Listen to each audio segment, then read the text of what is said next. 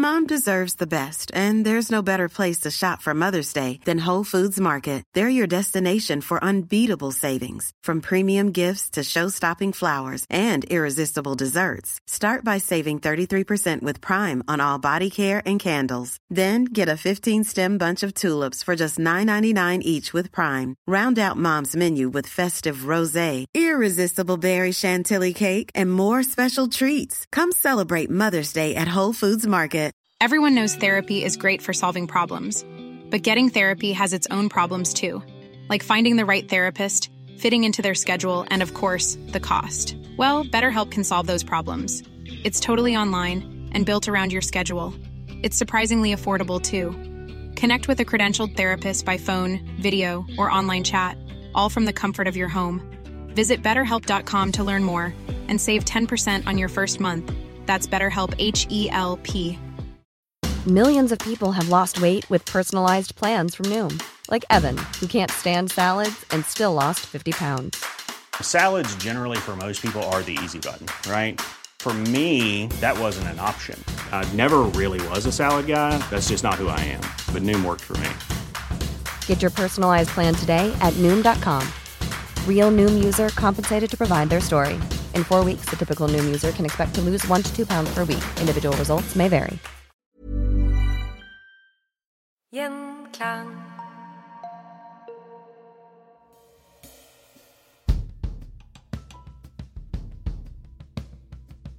Storgata i Lillehammer sentrum er så full av folk at det enkelte steder er vanskelig å komme frem. Tusenvis av vinterturister dulter hverandre nedover gata som radiostyrte biler på tivoli. Frostrøyken henger som et teppe over dem i den lave morgensola. Langs vegger og på hushjørner står gateselgere oppstilt. En av dem selger gassballonger av Disney-figurer. En annen kubjeller. Og en selger et kart over Skandinavia hvor Sverige er visket bort. Men de fleste av dem selger én og samme vare. Pins. Små metallmerker med en nål bakpå som kan festes til en hatt eller på jakka. Nordmenn er gale etter pins.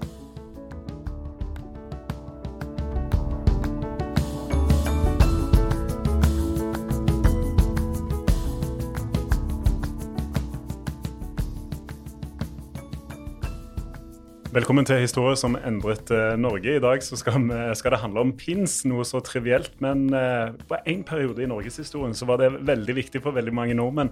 Vi skal tilbake igjen til 16 dager på Lillehammer, og det er òg uh, tittelen på boka til Magnus Helgerud, journalist og forfatter. Velkommen til historie som endret Norge. Takk.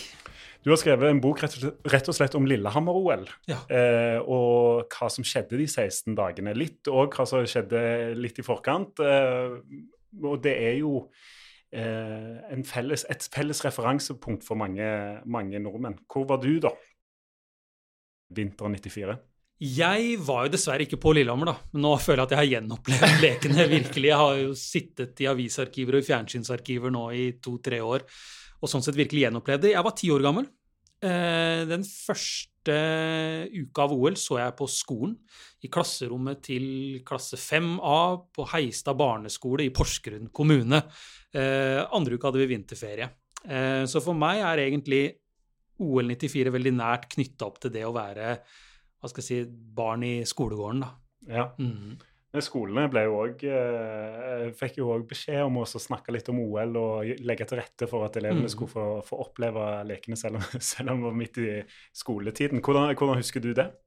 Nei, altså det ble jo sendt ut en sånn slags form for oppgavesamling både til barne- og ungdomsskolene eh, med klar oppfordring om å bruke OL i undervisninga hvis man ønska å være en samfunnsrelevant skole. Noe sånt sto det. Og det ble tatt i bruk på skolen vår. Um, og vi gjorde alt fra å lage OL-fakler på sløyden. Ja. Og så vi, brukte vi rosa, nei, rosa sier jeg, oransje kreppapir ja.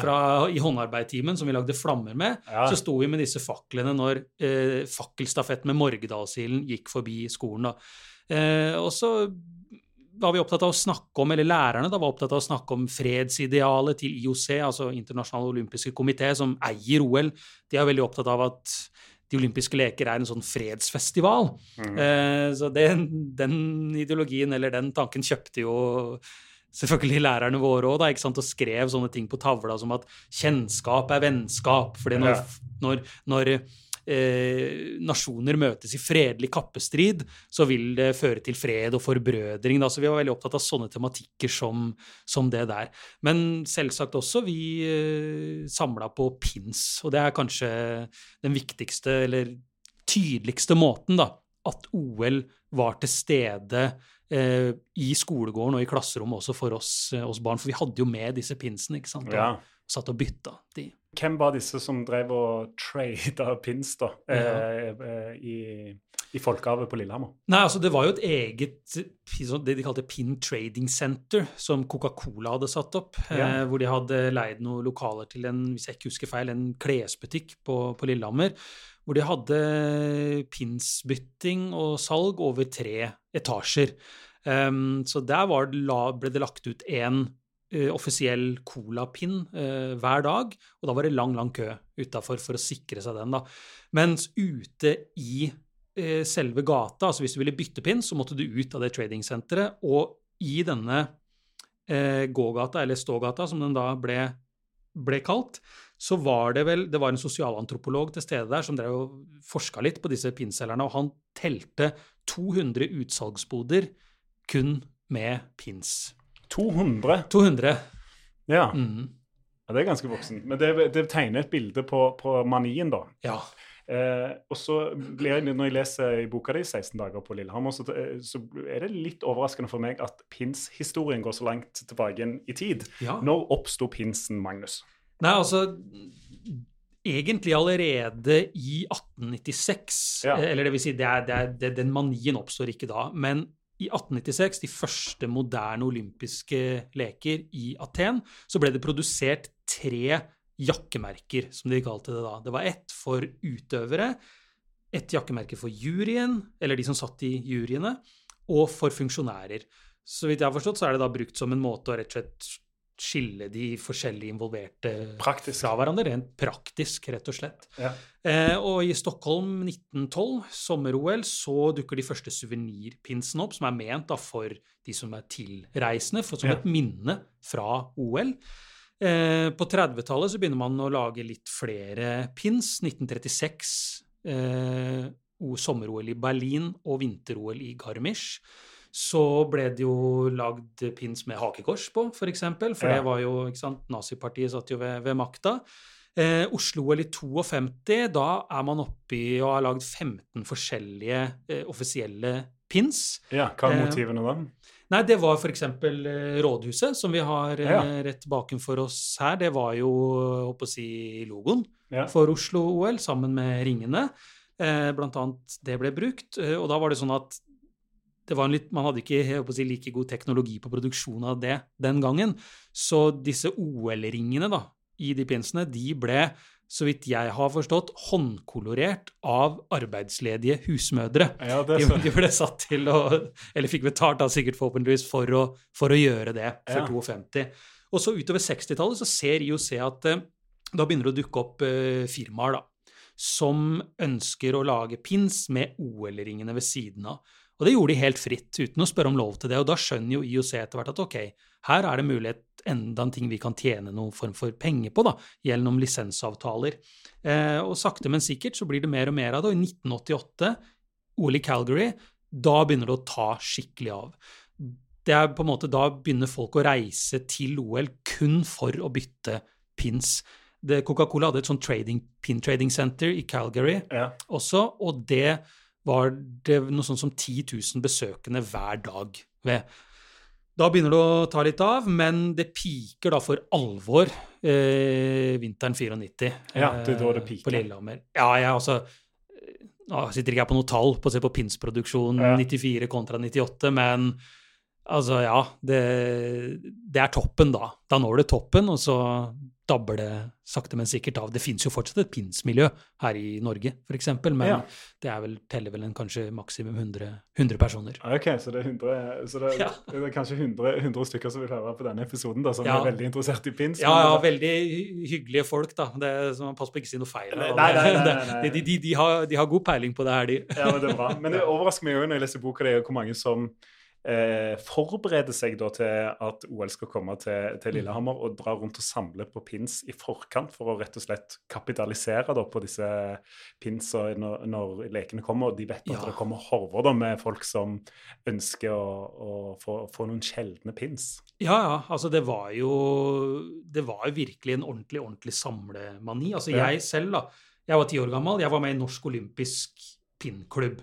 Det var en abonnementsordning eh, hvor du fikk tilsendt, da, akkurat som bokklubbene på den tida. Du fikk bare tilsendt pins hver måned. Okay. Sånne forskjellige flaggpins, sånn som jeg har på den, denne lua som jeg som Ja. jeg sitter med. Eh, Du sitter, hvis du skal beskrive den lua, da. Det er jo en sånn eh, klassisk Ja. ullcap fra, fra Lillehammer 94. Det er det en sort ullcap med logoen til OL94 og et tyvetalls pins på seg. Og her er det jo da deltakernasjonenes flagger. Det er maskoten og Håkon og Kristin med colaflasker i hendene. Og så er det jo selvfølgelig Olympic Aid-pinsen. Og den var jo, altså jeg var jo veldig veldig stolt av den. Den kosta 100 spenn. Det var to ukelønner for meg. Ja, Så jeg ja. husker jeg sparte og brukte to, to kjære ukelønner på den, den pinsen. Eh, og så var det sånn at vi fikk hver måned da, fikk du en liten eske i posten med pins. Eh, meg og broren min var abonnenter sammen, så da måtte vi velge. Fikk vi velge hver vår Ja, ja. pins helt, til- helt til boksen var tom. Um, og det var jo sånn at han som sto for produksjonen av pins, ja. eh, med et firma som het AS Trofé. Han er Lillehammer-mann eh, som het, heter, eh, for han fins jo fortsatt, Ørnulf Børke. Han hadde jo i stor grad solgt diplomer og pokaler til idrettslag. Ja. eh, frem til han fikk lisens på pins tidlig på 90-tallet. Og i 1993 så dro Trofé AS 130 millioner kroner inn, og Ørnulf Børke var Lillehammers si, rikeste mann, i hvert fall sånn ligning, skatteligningsmessig, da, Ja. i 1993. Eh, Så det er klart at de forberedte seg jo, eh, Ja. åpenbart, for de hadde lisens på å selge eh, pins. Men jeg vet ikke om de var forberedt på det, den manien som oppsto. Det var sånn at når en pins for Fjellhallen i Gjøvik ble lagt ut, da sto det 600 stykker i kø og venta for å få kjøpe den Hva, pinsen. men hva kosta den, da? Nei, den kostet, de kosta som regel rundt sånn 30-40 kroner. Ja. Men poenget var at hvis det var lavt uh, opplag på de, antall som ble laget, så var det sånn at den, den steg dag for dag omtrent. Du kjøper den en dag for 30 kroner. To uker etterpå så kunne du selge den for kanskje 700-800-900, kanskje til og med 1000 kroner. Um, Vikingskipet Pins ble lagt ut. Da var det 1000 som sto i kø. Eh, Så noen, rett og slett, mange av de var jo samlere, ønska pinsen selv, mens andre så en mulighet til å kapitalisere på det da, på en eller annen måte. ikke sant? Noen 13-åringer som har fri fra skolen, stiller seg i køen, for de veit at om to uker så får jeg en tusenlapp. Kan jeg få for den, for den pinsen? da. De steg liksom umiddelbart i verdi. ja. Mhm. Men uh, hvor, eh, var det òg uh, Fungerte det som valuta i skolegården òg, eller? For deg? Ja, altså den Olympic Aid-pinsen, det var jo sånn, det kunne jeg jo prøve å bytte til meg. Jeg husker det var en som ville bytte Nintendo-spill mot den Olympic Aid-pinsen, men jeg klarte tydeligvis å si nei, da, nei, siden, siden jeg fortsatt, fortsatt har den her. Ja, og da er jo spørsmålet, spørsmål, er du glad for det i dag? Er det, liksom, er det mer verdi i den pinsen enn eh, enn det er i et Nintendo-spill, da? Eh, ja, det er jo, har i hvert fall mer hva skal jeg si, verdi her og nå, i og med at jeg har skrevet en bok om det her. Ja. Det, Det, det har det jo absolutt. Men det er jo altså verdien på noen av de tinga. Altså, det er én pins på den lua her, da, eh, som ser ut som en sånn julekurv. Ja. som du henger opp på juletreet. Altså den er grønn og rødrutete.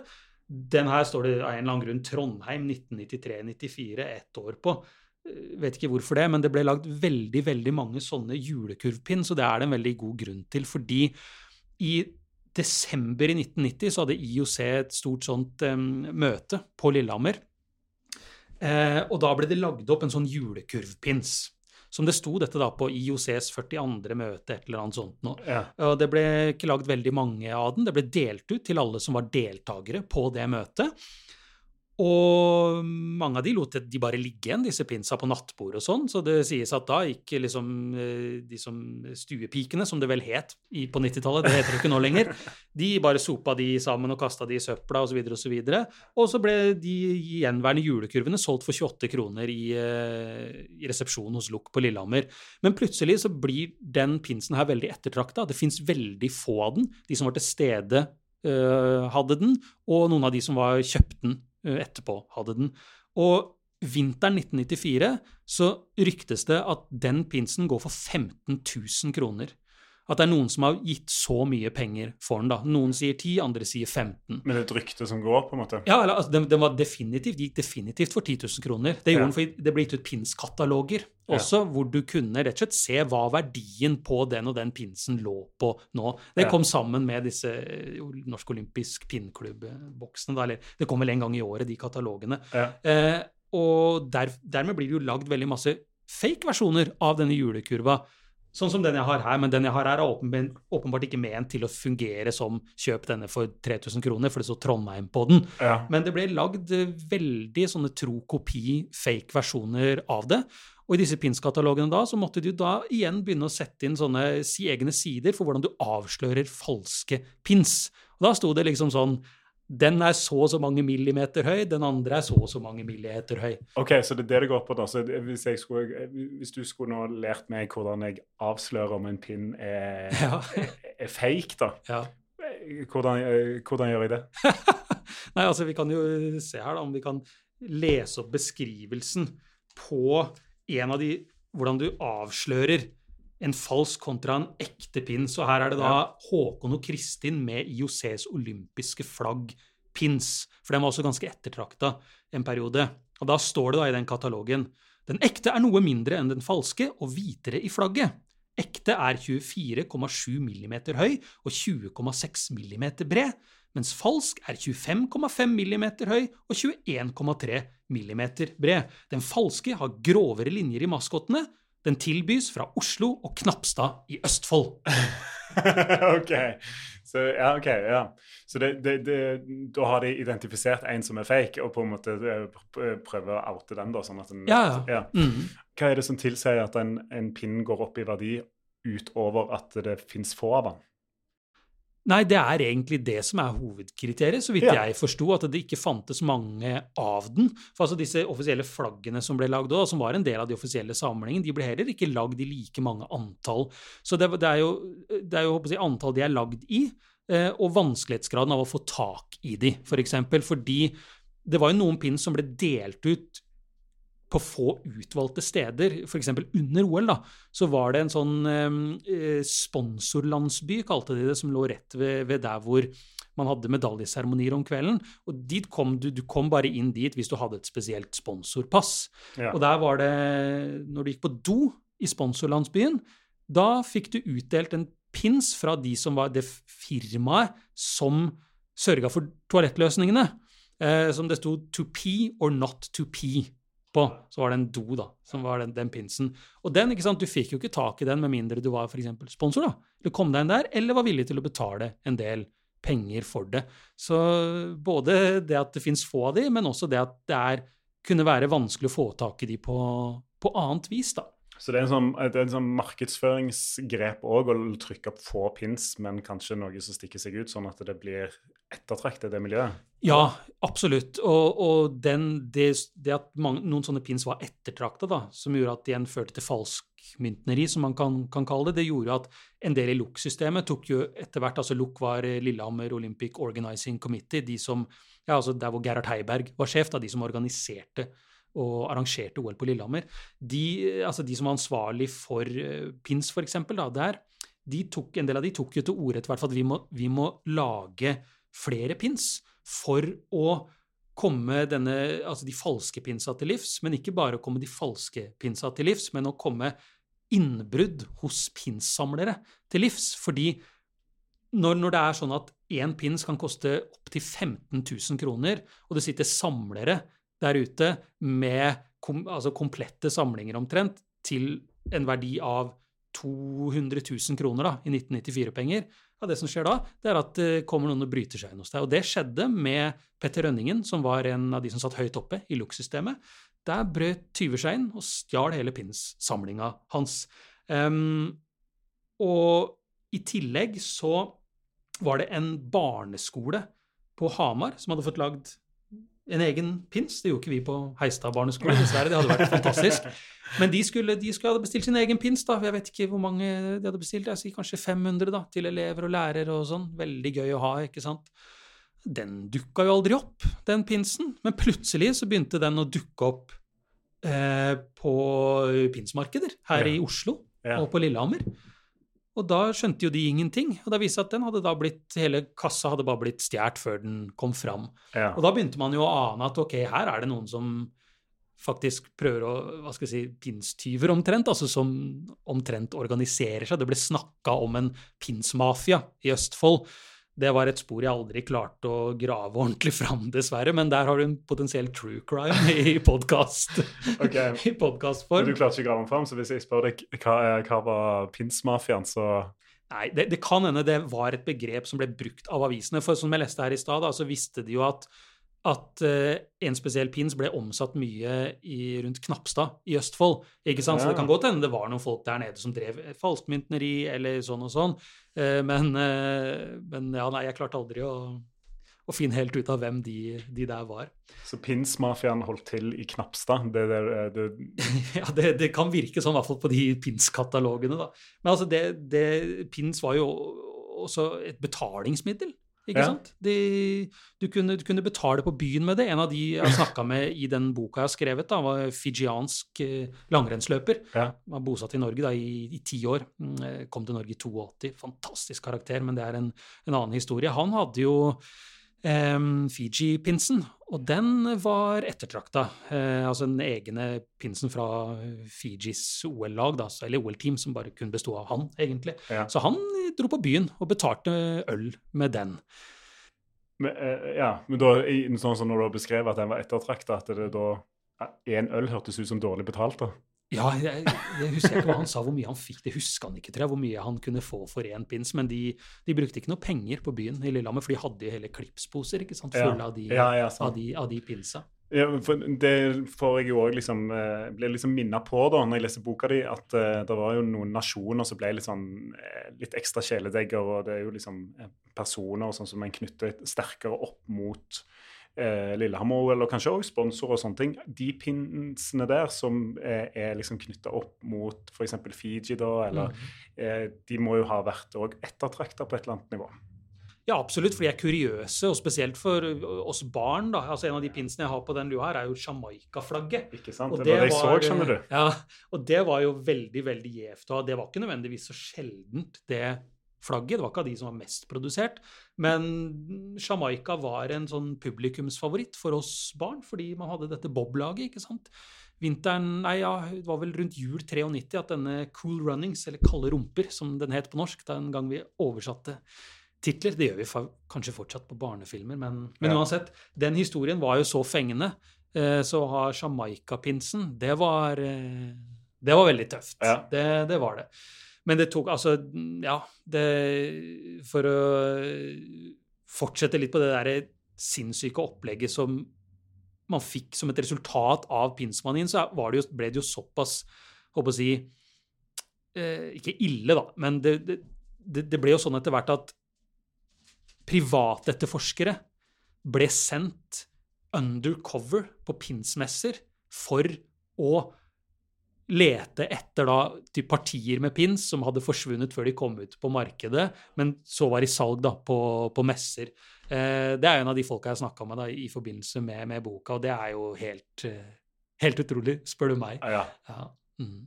Men når Altså, alt som går opp, må komme ned. Når, når kom krakket? Nei, altså det er Det ble jo produsert masse pins til OL i Nagano i 1998, Ja, så vidt jeg vet. Og det, altså det produseres fortsatt. Eh, Det gjør det jo. Ja. Men det er jo ikke i nærheten av å være en sånn samlemani som det var eh, den gangen. Og si Norge får OL igjen da i 2038, som er kanskje det tidligste vi nå kan håpe på, så er det jo Jeg tror jo ikke det vi får en pinsfeber igjen. Det tror jeg ikke. Nei. Nei. Så det er, men er det, den manien som var på en måte Jeg har jo lenge tenkt at det var litt sånn særnorsk, men det er jo fordi at jeg ikke har hørt noen andre snakke om det. Men hvor, hvor internasjonal er pinsen da? nå og etter 94? Nei, altså det var jo øh, mye utenlandske turister på Lillehammer i ja. 94 som også var der for å bytte og kjøpe pins. Det, det var det absolutt. Altså amerikanere som kom ens ærend for, for dette. Så det er absolutt et internasjonalt miljø. Men mitt inntrykk da er at det er et sånt hovedfokus på Skandinavia, Nord-Amerika. Det, det, er mitt inntrykk, men nå har ikke jeg gjort noe sånn grundig research på det, så ja. Mm. Forteller det noe om Lillehammer-OL på, på en måte? Ja, altså en ting det forteller, hvis vi ser på det i dag, er jo at det er analogt. da. Det er en fysisk ting du samler på, eh, og som med tida blir et symbol på en veldig stor hendelse da, i, i norsk historie. Det er jo det som slår meg med det. da. Eh? På den tida jeg mye på fotballklistremerker, som de fleste andre kids gjorde på 90-tallet. Og nå er det jo sånn at du kan samle på fotballkort, digitale fotballkort. Det jo, har jo blitt en, en greie, selv om de fysiske finnes fortsatt. Men så jeg tenker jo det at det går noe tapt, da, ved at verden blir mer digital. Men nå er jeg sånn 90-tallsnostalgiker at det, det er bare romantikk, det greiene der. Mom deserves the best, and there's no better place to shop for Mother's Day than Whole Foods Market. They're your destination for unbeatable savings, from premium gifts to show-stopping flowers and irresistible desserts. Start by saving 33% with Prime on all body care and candles. Then get a 15-stem bunch of tulips for just $9.99 each with Prime. Round out Mom's menu with festive rosé, irresistible berry chantilly cake, and more special treats. Come celebrate Mother's Day at Whole Foods Market. Quality sleep is essential. That's why the Sleep Number Smart Bed is designed for your ever evolving sleep needs. Need a bed that's firmer or softer on either side? Helps you sleep at a comfortable temperature? Sleep Number Smart Beds let you individualize your comfort so you sleep better together. JD Power ranks Sleep Number number 1 in customer satisfaction with mattresses purchased in-store. And now, save 50% on the Sleep Number limited edition Smart Bed for a limited time. For JD Power 2023 award information, visit jdpower.com/awards. Only at a Sleep Number store or sleepnumber.com. A lot can happen in the next three years, like a chatbot may be your new best friend. But what won't change? Needing health insurance. United Healthcare Tri Term Medical Plans are available for these changing times. Underwritten by Golden Rule Insurance Company, they offer budget friendly, flexible coverage for people who are in between jobs or missed open enrollment. The plans last nearly three years in some states, with access to a nationwide network of doctors and hospitals. So, for whatever tomorrow brings, United Healthcare Tri Term Medical Plans may be for you. Learn more at uh1.com.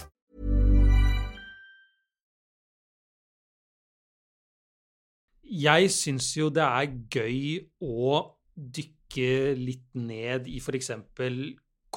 man kan kalle kontrafaktisk historie, da, Ja. som er sånn historien det som ikke skjedde. Mm. Og alle husker jo 'Se ilden lyse med Sissel Kyrkjebø og OL-floka, for den saks skyld. Men det er nok ikke så mange som vet at istedenfor Sissel Kyrkjebø nedafor Lysgårdsbakken på åpningsseremonien, så kunne Åge Aleksandersen stått. Er Eller. Stage Dolls. Torstein Flakne kunne stått der og dratt gitarsoloer, fordi det var en slags form for konkurranse, dette med den offisielle OL-låta. Look eh, inviterte en rekke store norske artister, alt fra Åge til Stage Dolls til eh, Dance with a Stranger, Morten Abel, til å komme med sine bidrag. Eh, og sånt syns jeg er veldig, veldig gøy, da. Og så er det selvfølgelig har vært viktig for meg med den boka her da, å ikke bare skrive Eller jeg må selvfølgelig skrive historien om OL 94 slik vi husker det, det er viktig.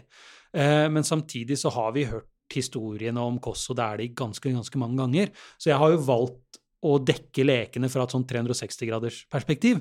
Eh, og en av de tingene jeg syns det var gøy å dykke ned i, var jo utelivet under OL på Lillehammer. Ja. Jeg hadde jo null eh, grunnlag for å vite noe om det siden jeg var ti år gammel sjøl og ikke var på Lillehammer engang.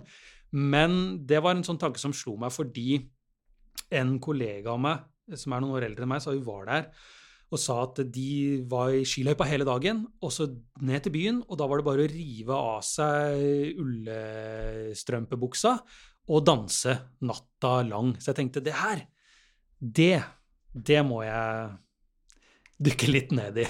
Men det var vel knapt noen som eide noen kvadratmeter på Lillehammer som ikke hadde skjenkebevilgning. Det har du helt rett i. Eh, det var jo faktisk sånn at eh, før lekene så tok først KrF, Kristelig Folkeparti i Oppland, til orde for et alkoholfritt OL. Og ikke bare alkoholfritt på stadion, for det var ikke lov til å ha med øl og sånn inn der. Men de ville ha full skjenkestopp og full stopp på salg av alkohol i hele OL-regionen under hele OL. Ja. Eh, fordi de ville ikke at når Norge nå endelig skulle vise seg fram for verden, så skulle det være danske ferja-vibber. Eh, de fikk ikke vilja si. kan si. Altså, de tok til orde for det også nasjonalt. Kjell Magne Bondevik, eh, så vidt jeg fikk med meg, tok også til orde for, for det. Men det motsatte skjedde, som du sa. Det var 119 steder som fikk innvilga skjenkeløyve. Eh, og det gjorde, etter mine egne kalkulasjoner, Lillehammer til den byen i verden med, høyest, med flest puber per innbygger i verden Ja. de to ukene. Og det var babyutstyrsbutikker, de hadde løyve til å skjenke sprit. Og selvfølgelig rørleggersjappa, som Kafé Rørleggeren, som ble en av de mest populære stedene på Lillehammer de to, to ukene. ja. Så han måtte jeg jo ta en prat med, han rørleggeren. Ja, Han skrevet fint om, eh, fint om i boka. Eh, Jeg har invitert deg til historier som endret Norge. Kan vi si at pinsen har endra Norge? Nei, jeg vil ikke påstå at pinsen har endra Norge, men pinsen er jo et av de store symbolene i dag på OL 94. Det er liksom Drar du fram den, så er det det folk tenker på med én gang. Og sier du OL 94, så er også pins noe av det første folk tenker på. Så sånn sett det jo, er det jo en del av en hendelse da, som har vært med på å endre Norge. Eh, det er sånn at eh, etter, det var dagen eller et par dager etter avslutningsseremonien så sa daværende kulturminister Åse Kleveland at noe sånn som at det her har vært et event som har gjort at vi nordmenn har fått et nytt, realisert et nytt bilde av oss selv. Eh, og det er jo ganske store ord, da. Eh, og så var det en, en, en, en kommentator i Dagbladet eh, som het Andreas Humpland. Han skrev noe veldig sånn si, som, som, eh, Han skrev noe som gjør at du iallfall reflekterer en del over betydningen da, av OL eh, på Lillehammer i ettertid, hvor han eh, påsto følgende da han sa at eller skrev i tiår fremover kommer vi til å bruke oss selv under OL som et forbilde. Det var den gang vi tok ut vårt beste. Den som ikke har vært på Lillehammer eller deltatt aktivt ved TV-skjermen, vil være like utafor som de som satt inne i maidagene i 1945. Det er ganske klare, klare ord. Men Hadde han rett, da?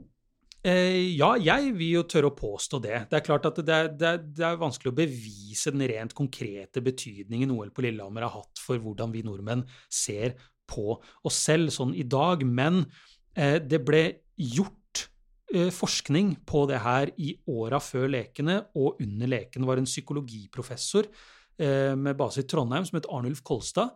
Han eh, Altså, det var mange som forska på OL mm, eh, i åra før. Et stort miljø som forska. Alt fra antropologer til, til psykologer og økonomer. Eh, og han Kolstad han eh, skulle kartlegge det han kalte Lillehammer-befolkningens verdimønstre. Hva det betyr? Eh, nei, altså hvordan de rett og slett så på seg selv, hvordan de så på verden, hvordan de så på seg selv i forhold til verden. Fordi det er sånn at, som vi nevnte litt her tidligere, IOC ser på de olympiske leker som en fredsfestival. Noe som eh, gjør vi møtes til, til fredelig kappestrid, eh, og så blir vi bedre venner eh, i etterkant. Og de mener at det da smitter over utafor idrettsarenaen. ikke sant? Så han ville ta det på ordet da, og se er det faktisk sånn at det er det som skjer. Eh, så han hadde da jevnlige spørreundersøkelser blant utvalgte lillehamringer og, folk som bodde i OL-regionen, hvor, hvor, han, hvor han stilte de spørsmål som er du stolt over å være norsk, er du stolt over å være fra Lillehammer, eh, er den norske levemåten særskilt god? Eh, og det er klart man svarer ja på at man er stolt av å være norsk og stolt av å være fra Lillehammer når man har et OL på vei, eller de fleste i hvert fall, for det var jo en del folk på Lillehammer som var skeptiske òg til OL. Men han så en klar økning på det siste spørsmålet, da, på er den norske levemåten særskilt god. Uh, mente å kunne se en ganske klar tendens i åra opp mot lekene og under lekene på at det mente folk, da. Så sånn sett kan du si at det nesten er det motsatte som skjer i forhold til det IOC mener skjer, da, når du har OL, at vi blir, så, vi blir veldig, veldig glad i, i alle andre fordi de kommer på besøk til oss. Det er heller det at vi blir veldig, veldig glad i oss selv. Ja. Men jeg mener 16 dager med strålende sol, 20 minusgrader og helt objektivt sett de vakreste og beste olympiske vinterleker noensinne. Det er ikke en overdrivelse. Det tør jeg påstå. Det er klart det gjør noe med folk. ja. Men gjorde det noe med deg da i skolegården?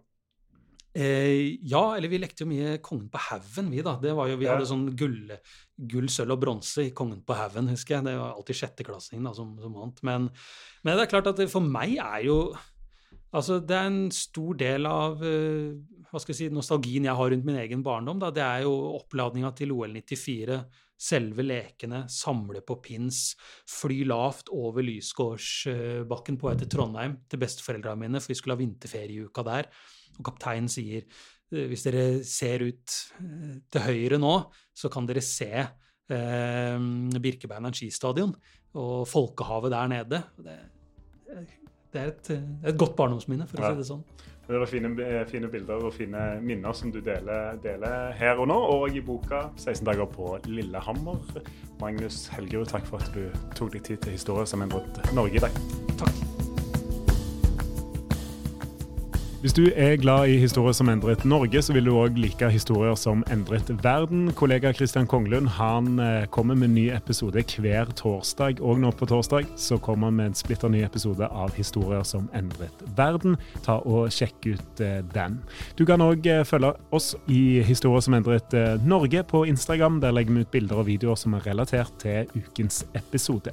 Der kan du også komme i kontakt med meg om du har episodeønsker eller gjesteforslag.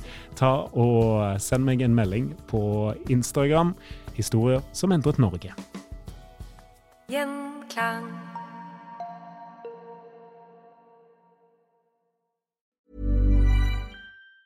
Mom deserves the best, and there's no better place to shop for Mother's Day than Whole Foods Market. They're your destination for unbeatable savings, from premium gifts to show-stopping flowers and irresistible desserts. Start by saving 33% with Prime on all body care and candles. Then get a 15-stem bunch of tulips for just $9.99 each with Prime. Round out Mom's menu with festive rosé, irresistible berry chantilly cake, and more special treats. Come celebrate Mother's Day at Whole Foods Market. Hey, it's Danny Pellegrino from Everything Iconic. Ready to upgrade your style game without blowing your budget? Check out Quince. They've got all the good stuff shirts and polos, activewear, and fine leather goods, all at 50 to 80% less than other high end brands. And the best part? They're all about safe, ethical, and responsible manufacturing. Get that luxury vibe without the luxury price tag. Hit up quince.com slash upgrade for free shipping and 365 day returns on your next order. That's quince.com slash upgrade. Mom deserves the best, and there's no better place to shop for Mother's Day than Whole Foods Market. They're your destination for unbeatable savings, from premium gifts to show-stopping flowers and irresistible desserts. Start by saving 33% with Prime on all body care and candles. Then get a 15-stem bunch of tulips for just $9.99 each with Prime. Round out Mom's menu with festive rosé, irresistible berry chantilly cake, and more special treats. Come celebrate Mother's Day at Whole Foods Market.